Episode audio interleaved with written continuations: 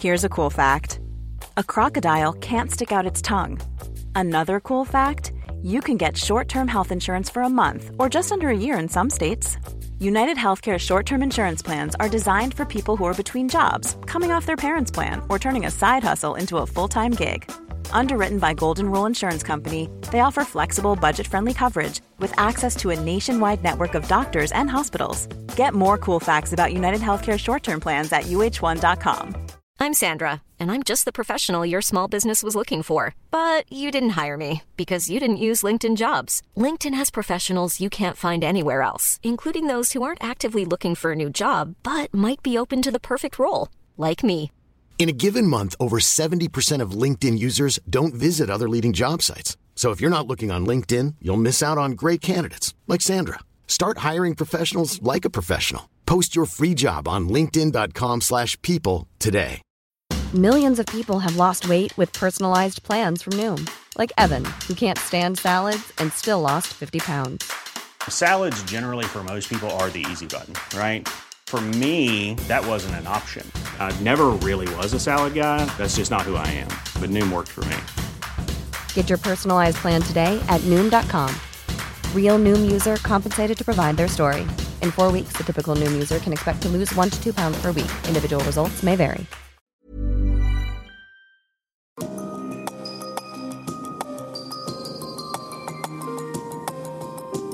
Du lytter til podkast fra Oslo Militære Samfunn. Besøk vår hjemmeside oslomildsamfunn.no, og se oss også på Facebook, Twitter og LinkedIn. Aftenens foredragsholder er kontreadmiral Jan Sommerfelt Pettersen, sjefen for Forsvarets sanitet fra 2013. Han er, foruten sin militærutdannelse, også utdannet lege. Han kom til stillingen etter 13 år som sanitetsinspektør for Sjøforsvaret, og før det en kombinasjon av militære og sivile stillinger gjennom en årrekke, herunder assisterende fylkeslege i Hordaland.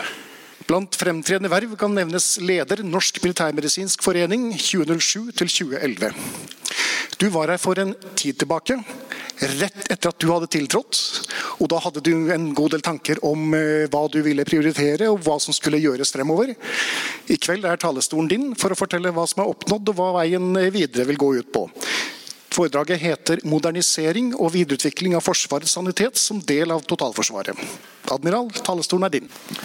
Takk for det. Mange takk for å bli invitert. Det er eh, alltid hyggelig å være her, både på talerstolen og eh, på andre siden.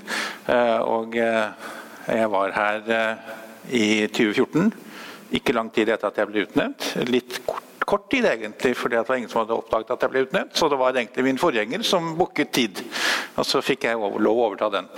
Så det kan bli veldig interessant å snakke om moderniseringen av Forsvarets sannhet. Og spesielt så vil jeg vektlegge totalforsvarsperspektivet i dette. Hva er da dagens tekst? Eh, vi kjører et par momenter på en innledning. Så vil jeg snakke om det jeg har kalt de fire roller. Vi kommer tilbake til hva det er. Så eh, avslutter vi med litt eh, utfordringer, for det finnes fortsatt noen utfordringer. det vil alltid gjøre, Og en liten oppsummering til slutt. Så tenkte jeg da å vise dere en liten film. Eh, Jeg kan ikke gjenta hele teksten, men dette er altså da Forsvarets mediasenters siste video, som forteller om Forsvarets oppgaver eh, og eh, hva Forsvaret gjør. og Den er egentlig veldig god for å forklare akkurat essensen i Forsvarets oppgaver og kapasiteter. Og Den tar også opp at Forsvaret er avhengig av to ting som er helt essensielt, og også spesielt eh, viktig i sannheten. Og Det ene er at vi er avhengig av våre allierte. Det skjønner vi. Det andre er at vi er avhengig av sivilsamfunnet. Og For å få dette til å virke, så konkluderer den med at vi må ha de beste og de riktige hodene. Det er det som egentlig blir sagt på den. Eh, Og Det er egentlig også litt av mitt budskap. Jeg har fått spesialtillatelse til å vise den frem i dag, for den er egentlig ikke offentlig ennå. Så dette er altså en, en førpremiere på neste videosnutt, som dere sikkert kommer til å se på fjernsynet og andre steder etter hvert. Som eh, ble sagt innledningsvis, så har jeg to karrierer, eller to utdannelser. Jeg har en militær karriere, og jeg har en sivilkarriere. De fleste av de som studerte medisin sammen med meg, de jobber på norske sykehus. Så jeg er ofte der, gjerne i uniform, holder foredrag og snakker med dem. Og de kommer ofte bort til meg og dytter på meg og sier Jan, hva er det du egentlig gjør for noe? Og når skal du komme hit og begynne å gjøre ordentlige ting, sånn som vi andre gjør? Så må jeg jo da fortelle dem hvordan vi gjør tingene i Forsvaret, og hva slags jobb det er. Og så prøver jeg å forklare dem hvor viktig den er for Forsvaret og hvor viktig den egentlig er for dem at Forsvaret virker. Eh, I Forsvarets sannhet har jeg i de årene jeg har vært sjef, eh, fokusert på ordtaket 'styrk faget'. Min policy har vært 'styrk faget'. Vi kommer litt tilbake til hvilket fag vi snakker om, og hvordan dette er blitt gjort. Men jeg skal først snakke om hvilken myndighet sanitetssjefen har. Han har ganske mange, han har iallfall fire stykker, og de står listet. Jeg er sjef for Forsvarets sanitet. Jeg er fagmyndighet i Forsvaret for sanitet. Jeg er rådgiver i sanitet, og jeg har en koordinerende myndighet når det gjelder samvirke mellom Forsvaret og det sivile helse- og veterinærtjenesten. Den siste er ny, den kom i sommer. Eh, og det er egentlig det verktøykassen jeg har for å gjøre jobben. Så skal vi gå gjennom, og Jeg har inndelt dette i fire biter, og det er én bit på hver av de myndighetsområdene.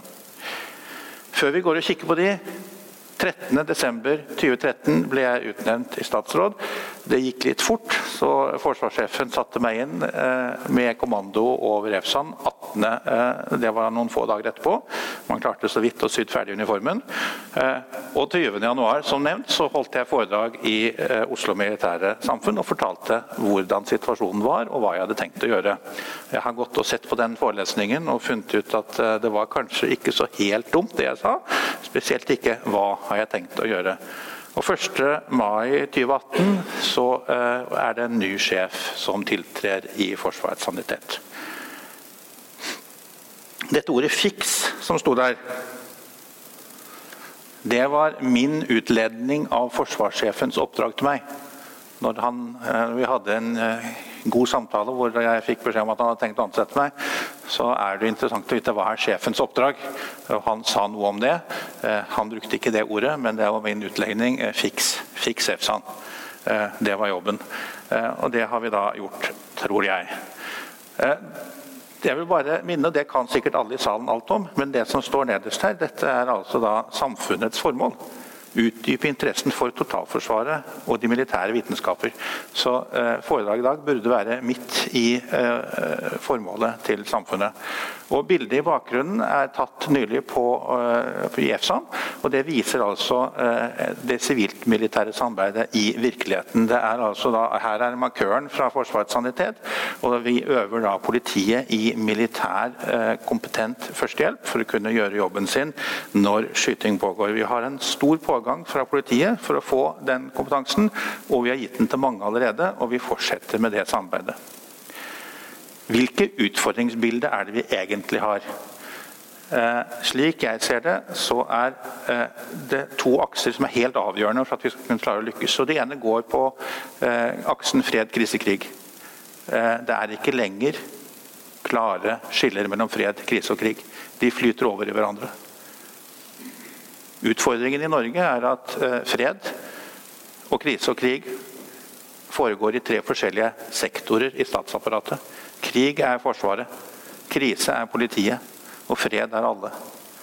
Og alle er avhengig av helse i alle de dimensjonene. Og hvordan klarer vi å koordinere oss? Så forsvar, helse og justis er et trekløver. Må være en treenighet.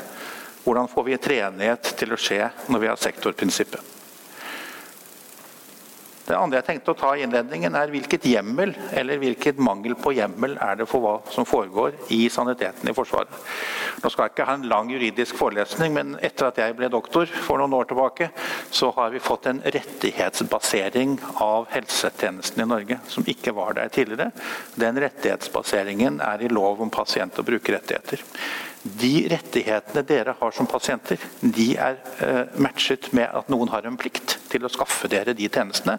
Og den er i praksis grovt sett delt på to. Primærhelsetjeneste er det kommunene som har ansvar for, og den gjelder ikke bare de som bor i en kommune, det gjelder alle de som måtte befinne seg der. Om de er turister, eller utlendinger eller soldater. Eh, spesialisthelsetjeneste er det helseforetakene som skal levere til dere, og da har vi i og for seg dekket helsetjenesten. Og Så kommer da den siste loven som jeg har nevnt, lov om helsemessig og sosial beredskap, som eh, Helsedepartementet og Helsedirektoratet styrer på med, som trer i kraft eh, på et visst beredskapsnivå, hvor man da kan begynne å flytte på ressurser fra sivil side. Vi har ingen lov om militær sanitet. Det er heller ingen forskrift om militær sanitet, så dette er egentlig lovgrunnlaget. Det vi har, er doktriner. Og vi har selvfølgelig Forsvarets fellesoperative doktrine, som forteller oss hvordan vi skal gjøre dette. Og vi har nå også fått Forsvarets doktrine for sanitets- og veterinærvirksomhet, som forsvarssjefen skrev under i år. Et av de store spørsmålene blir da hvis vi tar oss en tur til utlandet og hjelper våre allierte i en fellesoperasjon. Hvilken lov gjelder da? Vi trenger like mye sanitet. Vi trenger kanskje mer sanitet, for vi har ikke norske helsevesenet bak oss. Da må Forsvaret stille opp en komplett sanitetstjeneste. Mens hjemme så kan vi ha et kompaniskap med helsetjenesten. Det gir oss noen utfordringer som dere kan tenke over. Jeg har prøvd å leke jurist og prøvd å utlede hvorledes det ser ut i Forsvaret. Forsvaret yter helsehjelp. Helsehjelp er det juridiske begrepet for å gi helsetjenester. Vi gjør det både innenfor primærhelsetjeneste og vi gjør det innenfor spesialisthelsetjeneste. Vi har begge deler. I de fleste helselovene så er det skrevet slik at dersom virksomhetsleder, altså sjefen, som vi kaller i Forsvaret, ikke besitter den kompetanse han trenger for å gjøre akkurat dette, levere helsetjenester, så må han skaffe seg den kompetanse. Det har han jo gjort. Han har en sanitetssjef til å gjøre det. Eh, og den eh, systemet, virksomheten, har hatt ansvar på to nivåer. Det ene nivået er systemnivået. Det står i helsepersonelloven. Og det andre er individnivået. Systemet skal legge forhånd til dette for forsvarlig virksomhet. Individene som yter helsehjelp, skal drive forsvarlig etter loven. Så helselovgivningen slik utlagt gjelder i Forsvaret når vi yter helsehjelp. Om det er medicen i FSK, eller om det er doktoren eh, på sykehuset, så er det fortsatt det som gjelder. Det betyr egentlig at denne karen her, som dere alle kjenner, han er egentlig administrerende direktør i et regionalt helseforetak som heter Forsvaret. Og Hvis vi tolker det litt annerledes, så kan vi si at han er rådmann i kommunen Forsvaret. Og det er jeg som er helsesjefen. Det er egentlig bildet. Dette er jo ikke det bildet man militært sett pleier å tenke på, men det er ganske interessant i forhold til hvordan vi skal organisere oss for å få dette til å virke. Jeg nevnte i sted styrkfaget. Det har vært det som har vært mitt eh, ordtak for eh, moderniseringen, endringen, videreutviklingen av Forsvarets sannhet. Noen som eh, er litt frustrert over at det er for mye doktorer eller for lite sykepleiere eller for lite et eller annet. Det er alltid noen diskusjoner i helsevesenet, det har dere sikkert hørt om. Det er ikke alle som er enige der heller. De sier styrk faget. Det er sikkert bare at disse legene skal bestemme alt. Eh, nei, det er egentlig ikke det. Selvfølgelig er det viktig med den medisinske kompetansen, men faget som vi snakker om, det som egentlig er det store og viktige i EFSAM og saniteten i Forsvaret, det er altså sanitet. Det er det som er faget. Det er saniteten som skal styrkes. Så er spørsmålet hva er da denne saniteten for noe? Og Det er jo et fag som gjør at det som du ser til høyre i bildet, er mulig å gjennomføre med suksess. Det er en blanding av mange helsefag. Ikke bare lege, sykepleier, psykolog, veterinær. En rekke fag.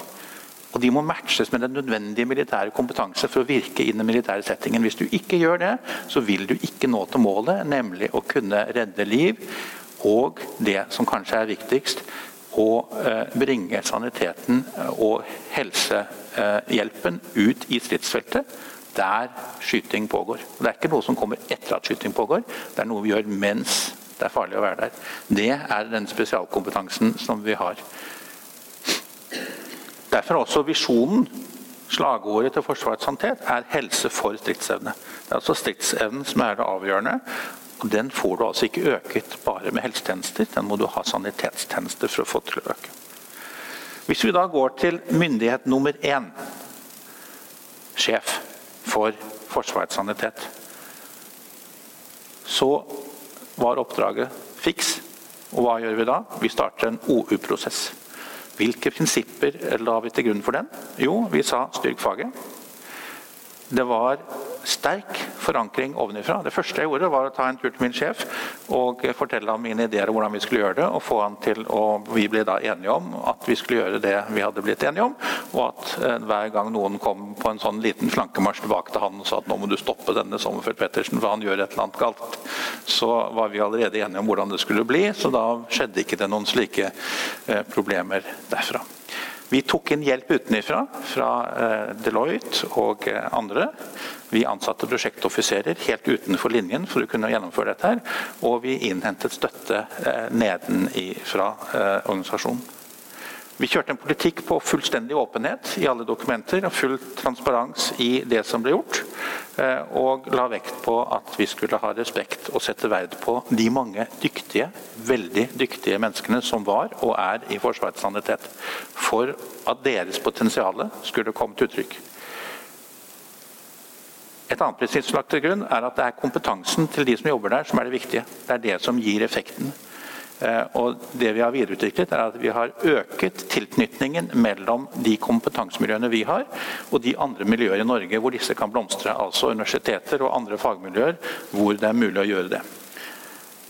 Dette ga selvfølgelig en endring i struktur. Dette var den gamle strukturen. Den, rød, den blå rundingen på toppen er ledelsen, og så var det tre avdelinger under. Eh, med mange, mange kontorer nedover. Ikke bare i det eh, oppdraget som forsvarssjefen skrev under, men også i de prosessene som har gått, som dere kjenner til, så skulle man eh, spare på stab. Man skulle avbyråkratisere, og man skulle gjøre eh, avdelingene mer spisse. Så vi fjernet stab, og vi fjernet avdelinger. Og EFSAN ser nå slik ut, med én ledelse og én ett nivå. Vi har fjernet ledelsesnivåer, vi har laget én fellesstab. Vi har avbyråkratisert gjennom korte linjer, og vi har frigjort hjemler som har blitt flyttet i den spisse ende for å gi mer operativ leveranse. Det er det positive budskapet, eh, og jeg syns at dette gikk ganske bra. Eh, det negative er det at kontrollspennet til sjefen og ledelsen blir da betydelig større. Det blir kjempestort. Det blir ikke så lite som det står i alle organisasjonsbøker at det skal være. Informasjonsadministrasjonen, det å få informasjonsflyten, er ganske utfordrende. Og rolleforståelsen er vanskelig. Eh, det arbeider vi med. og Jeg skal snakke litt om hvordan vi gjør det. For det er ikke nok med en ordprosess. Vi startet da en lederutviklingsprosess med hjelp utenfra, som kan komme og stresse oss litt. Og vi startet en strategiprosess for å gjennom hva skal vi egentlig gjøre for å få til den riktige bevisstgjøringen. Og Her er da et av resultatene av den prosessen. og Vi sa at EFSAN skal være spisskompetent samkjørt og gripbar for å støtte den operative virksomheten. Spisskompetent er da spisskompetent i sanitet, spisskompetent i forhold til Forsvarets behov. Samkjørt. Vi gikk en lang runde gjennom roller og ansvar for å få klarhet i hvem som skulle gjøre hva. Eh, og vi så her hele Forsvaret, altså Forsvarets sanitet og saniteten i Forsvaret for øvrig, samt helsetjenesten under ett. Eh, og vi sa hvis ikke du er gripbar, så er du uinteressant. Hva er det EFSAN bruker sine få stillinger og ressurser på? Vi har ikke nok stillinger, vi har ikke nok penger. Det er det ingen som har i Forsvaret. Eh, hva må vi prioritere? Og hva har vi prioritert? Jo, vi har prioritert de nisjekapasitetene som ikke finnes tilgjengelig i det sivile samfunn. En militær medic kan du ikke kjøpe. Du kan kjøpe en førstehjelper, du kan gå på kurs Røde Kors, men du kan ikke kjøpe en militær medic som virker når du skyter på ham. Krigskirurgi og katastrofemedisin er et annet fagfelt som da ikke finnes mye av i Norge. Det skal vi være glad for. Det er lite folk som skytes på gaten i Oslo. Det er ingen uh, som har veldig mye erfaring med det. Krigspsykiatri og veteranmedisin har vært et satsingsområde lenge, og det er også et spesialområde. Sanitetsledelse, operativ ledelse innen sanitet, er heller ikke noe som er uh, lett å få tak i andre steder, som vi må utvikle selv, og som er helt avgjørende for å få dette til å gå rundt. Det er helt innlysende at flymedisin og dykkemedisin er, er, kjerneområder for Forsvaret. Og vi har også noe vi kaller ekstremmedisin. Det å ta velselekterte, friske mennesker og presse de enda lenger. Det må vi lære noe om, det er utenfor den som er normalmedisin. Medisinsk styrkebeskyttelse er helt sentralt. Og vi har ekspertise på B-krig og det som på Nato-språk heter RDOIT, altså et oppklaringsteam som reiser ut hvis du har eh, epidemier, for å lure på om de er villet, eller om de er naturlige. Det kan være ganske viktig i en situasjon. Og Det kanskje siste som vi gjør mest av, og som er veldig viktig, de riktige hodene som denne filmen avsluttet med, på de riktige stedene det er den medisinske seleksjonen, og det er vurderingen av din skikkethet gjennom hele karrieren til å gjøre jobben din. Det er minst like viktig som sikkerhetsklareringen. Dette er rene militære kapasiteter som ikke lar seg kjøpe i noe marked. Forsvarssjefen sier til meg at eh, han sender av og til eh, hæren ut, av og til sjø ut, av og til luft ut, av og til flere av de sammen, men som regel litt hver for seg. Saniteten er med i alle operasjoner. Saniteten er alltid hjemme, vi er alltid ute. Men vi er alltid i et samvirke med, eh, inne i Forsvaret, og vi er alltid et samvirke med den sivile helsetjenesten. Uten å hente personell derfra, så har vi ingen steder å hente det fra. For vi er one man deep. Vi kan gjøre noe en stund. Og hvis vi skal gjøre noe over tid, så må vi altså ha den backupen ute. Den har vi. Og vi må alltid ha kvaliteten. Som jeg pleier å si, det er mange tannhjul som vi har betalt for i Forsvaret. Mye fin hardware. Saniteten er den der oljedråpen som gjør at de der går sammen. Hvis du ikke har oljedråpen, så hjelper det ikke med alle tannhjulene. Nå har begge deler. Det var Forsvarets sannhet. Hvis vi da ser på fagsjef, det som heter fagmyndighet, Konseptet vi har kjørt der for å få folk til å trekke i samme retning og se verden med en felles situasjonsforståelse, er det vi har sagt at Forsvarets sannhet er den sentrale, overordnede sannhetsorganisasjonen. Vi er eh, den som er knyttet opp mot forsvarssjefen på riktig nivå. I styrkene, i grenene, i resten av Forsvarets organisasjon er det sanitet overalt, og det må det være. Det må være integrert sanitet, eh, og den har vi kalt SANIF, sanitet i Forsvaret. Sånn at vi har to begreper. Jeg er fagsjef for begge deler. For øyeblikket, etter den siste omorganiseringen, når vi har omorganisert tre ganger på tre år, så er ca. Eh, en tredjedel av sanitetspersonellet i Forsvaret i Forsvarets sanitet. De resterende to tredjedeler befinner seg i Forsvarets øvrige struktur. Og det er nesten ingen struktur i Forsvaret som ikke har sanitet. De skal jeg da klare å få til å ha felles situasjonsforståelse og dra i felles retning. Og da må de gjøre sånn som bildet til høyre. Hvordan har vi fått til det? Vi har arbeidet systematisk og lenge for å etablere en prosess som var basert på tillit og gjensidig troverdighet og respekt. Vi har gjort ved å lage en rådsstruktur. Dette er det overordnede rådet for sanitet i Forsvaret. Det heter Strategisk sanitetsråd. Og Der ser du en fyr i marineuniform i midten, og ellers så ser du mange grønne menn og damer. Dette er toppunktene i sanitetstjenesten i alle strukturene i Forsvaret. Og Vi møtes regelmessig for å diskutere, krangle, eh, komme frem med gode ideer for å bli enige om hvordan saniteten skal bli fremover. Dette er det viktigste rådet. Dette er min ledergruppe nummer to. Jeg har en ledergruppe inne i Forsvarets sannhet, og så har vi ledergruppen som dekker hele Forsvaret. Eh, vi har klart etter hvert å få dette til å gå ganske så bra. Eh, og eh, vi har nok fått til en modernisering også av fagmyndighetsutøvelsen gjennom denne rådsstrukturen.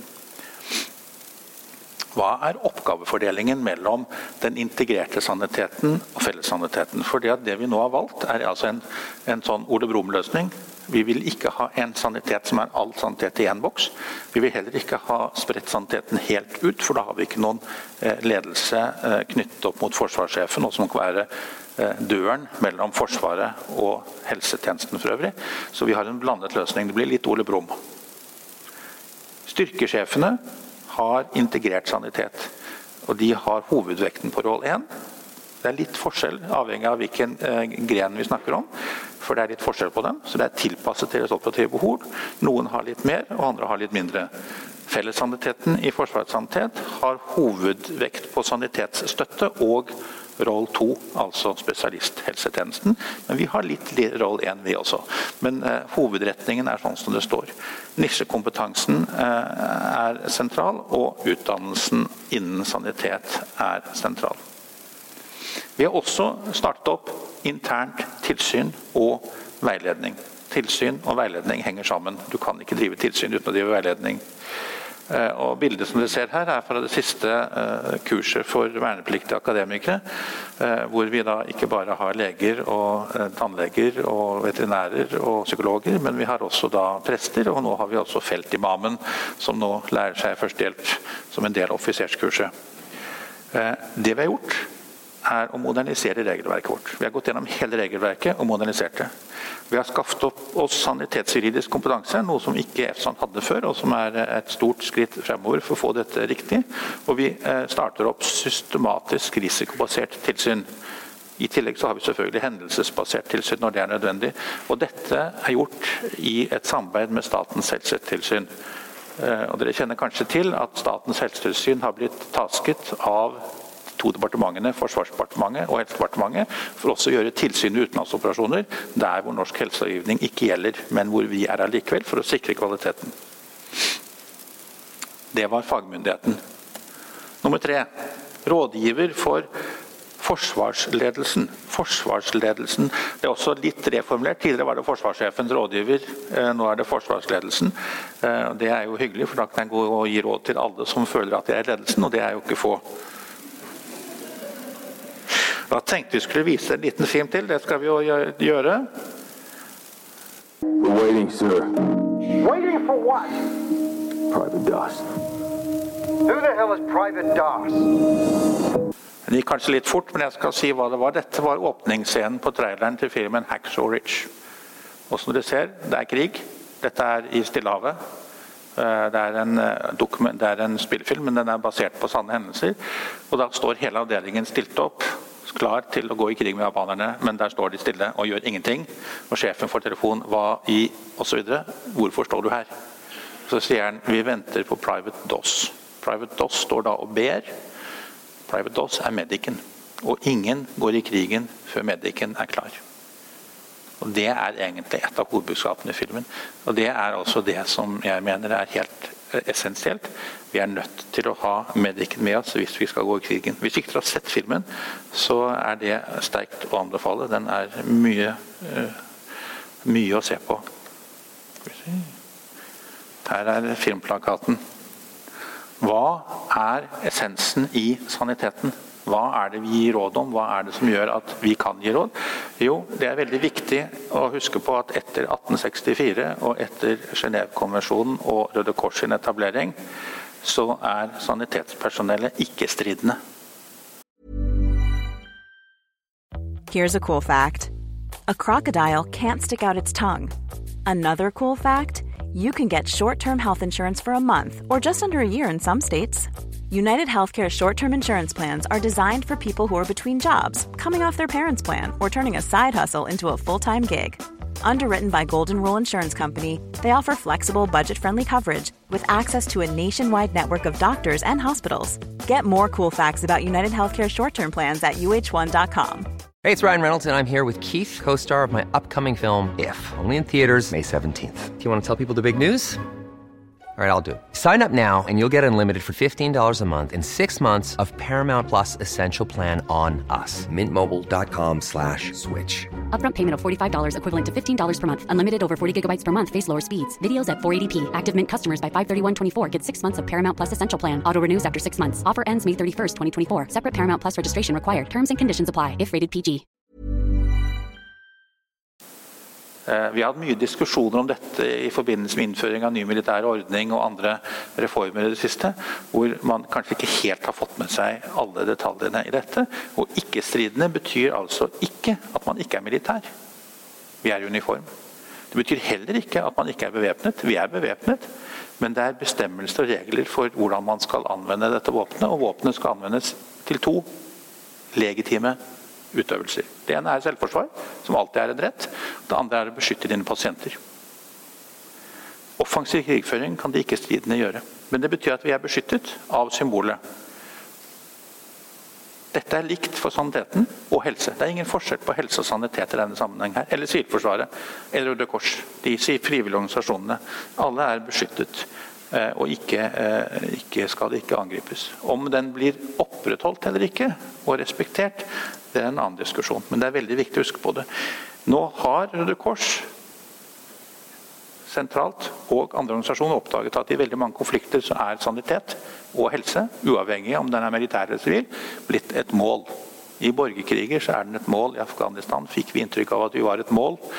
De fleste land fjernet de røde korsene eh, for å unngå å bli skutt på. Eh, og eh, hacking mot helsetjenesten i England kan man jo diskutere om var en villet sak, eller om det var en tilfeldighet.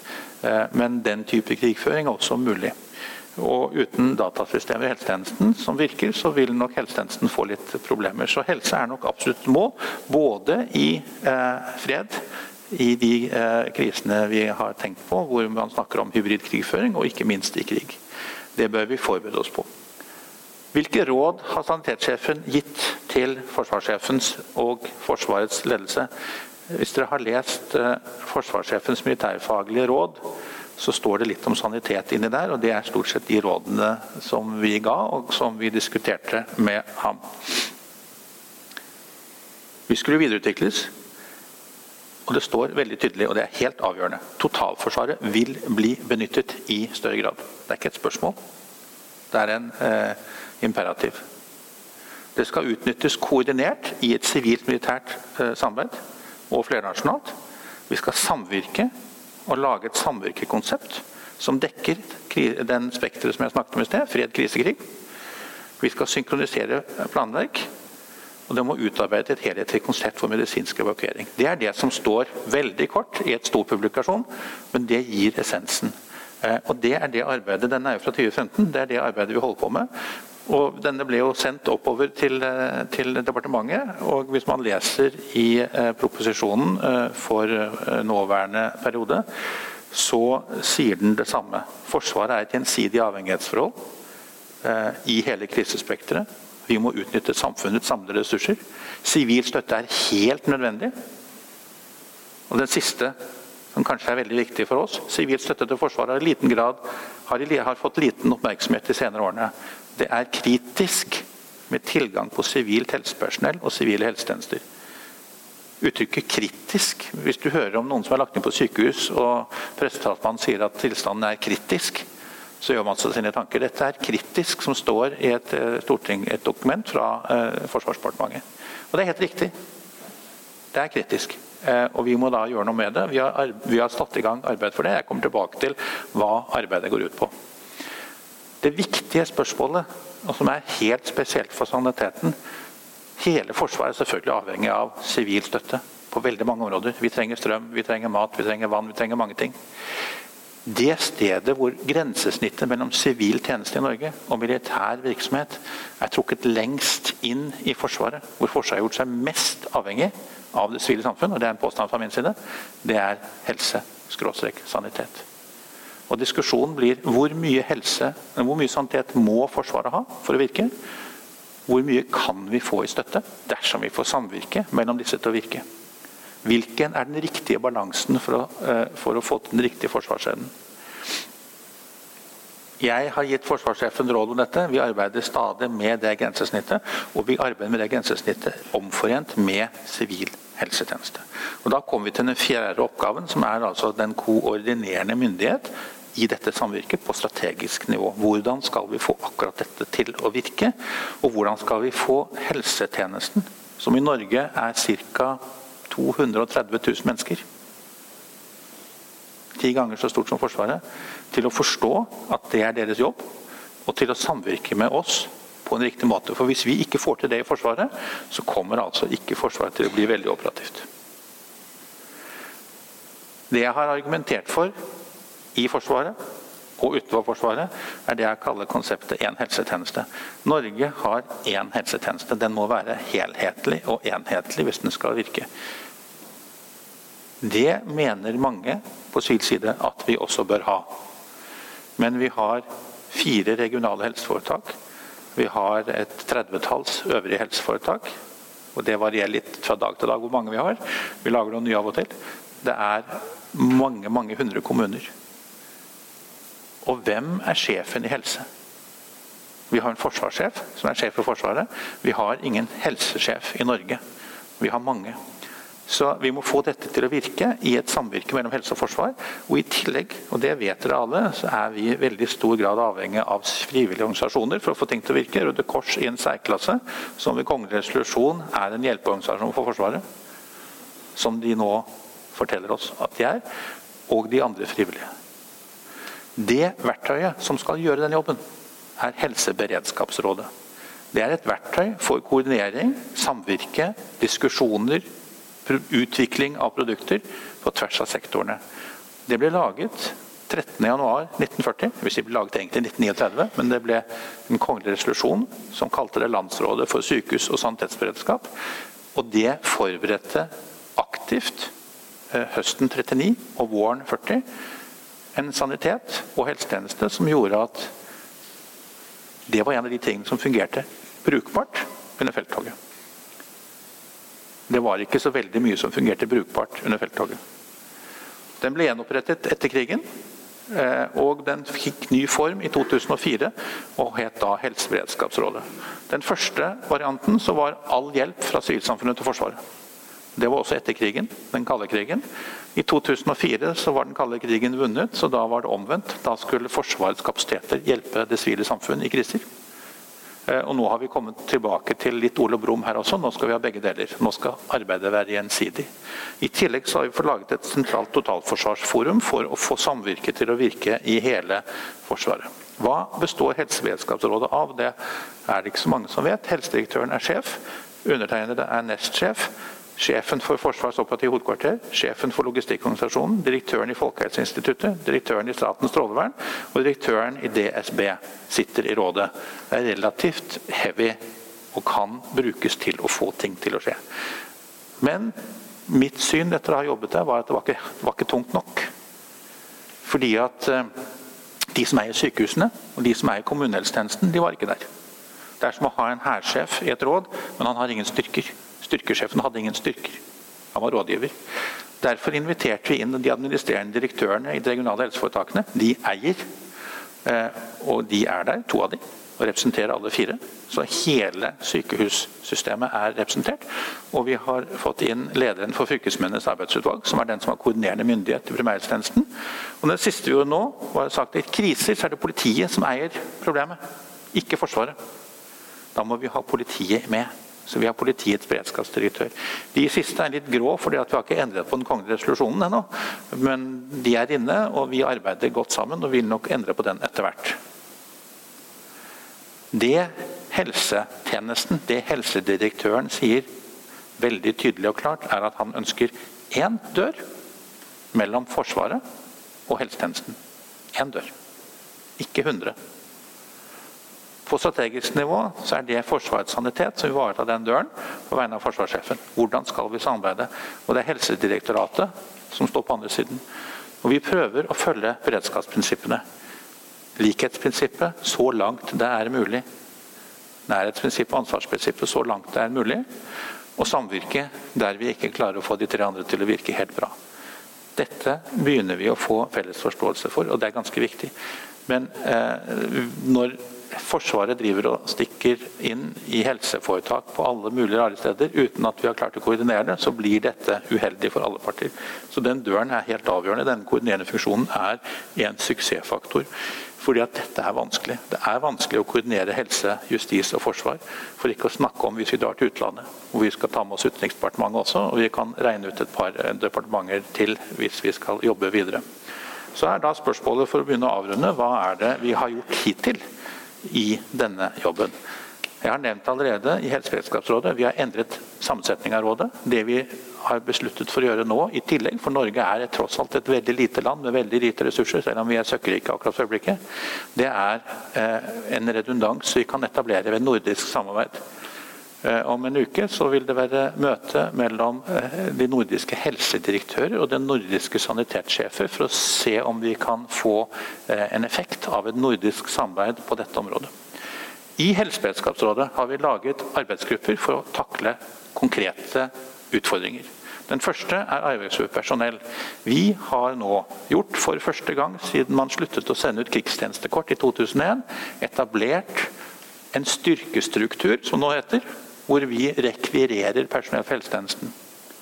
Vi rekvirerer færre enn i gamle dager, men vi rekvirerer så mange at helsetjenesten i Forsvaret eller sanitetstjenesten i Forsvaret blir tredoblet i volum. Dette må vi gjøre i samvirke og samråd og omforent med helseforetakene. Og vi har laget en eh, konferansesystem for å gjøre det. De blir disponert i disse dager. Og i 2018 så vil vi altså ha disponert helsepersonell for første gang i Norge på snart 20 år.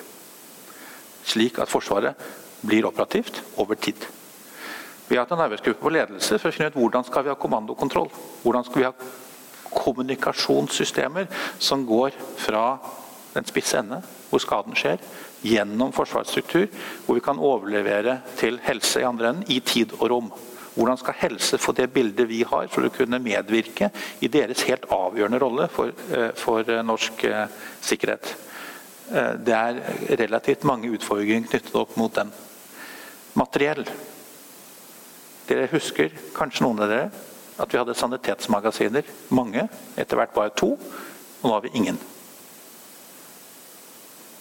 På sivil side så er det akkurat det samme. Det er altså forsyningene til helse, forsyningene til Forsvaret, er på hjul. De er på vei. Og hvis du stenger veien, eller sprenger hjulene, så blir det stopp ganske fort. Dette må vi gjøre noe med, og det er arbeid på gang for å etablere gode beredskaps- og etterforsyningssystemer innenfor hele spekteret av, av, logistikk og sanitetsmateriell. Og Der er vi også i gang med en veldig interessant prosjekt. Blod hvor mye blod ligger i banken?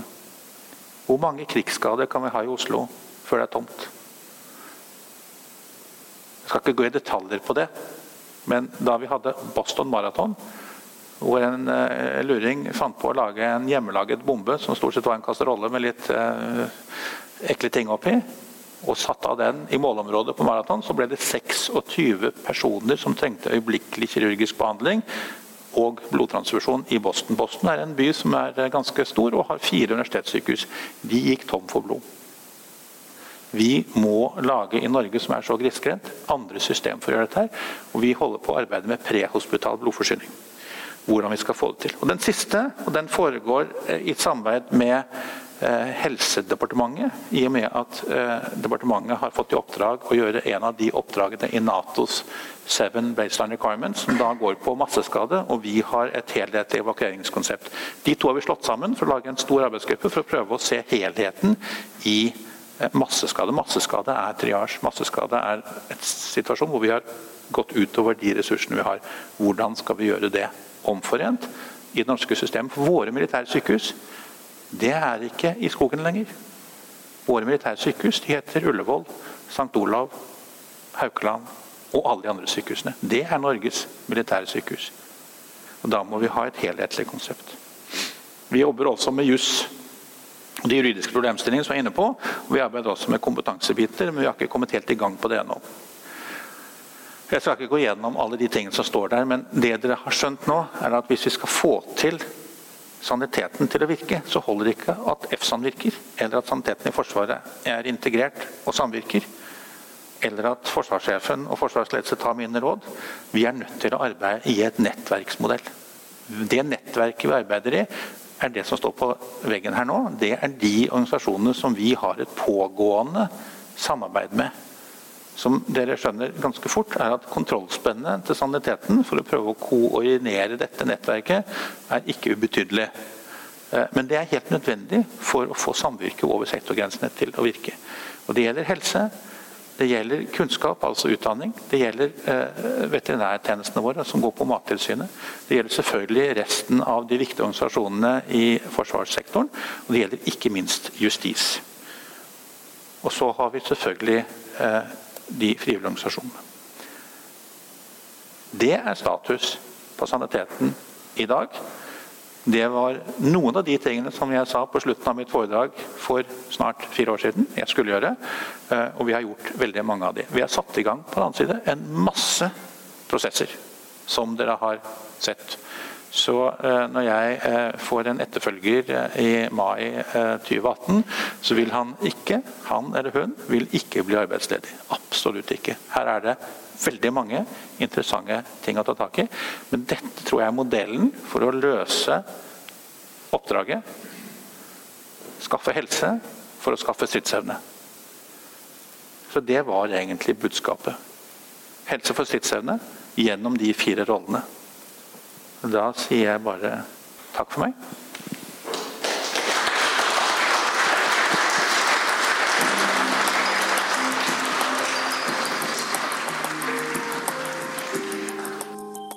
Du har hørt podkast fra Oslo Militære Samfunn. Besøk vår hjemmeside oslomildsamfunn.no, og besøk oss gjerne på sosiale medier som Facebook, Twitter og LinkedIn.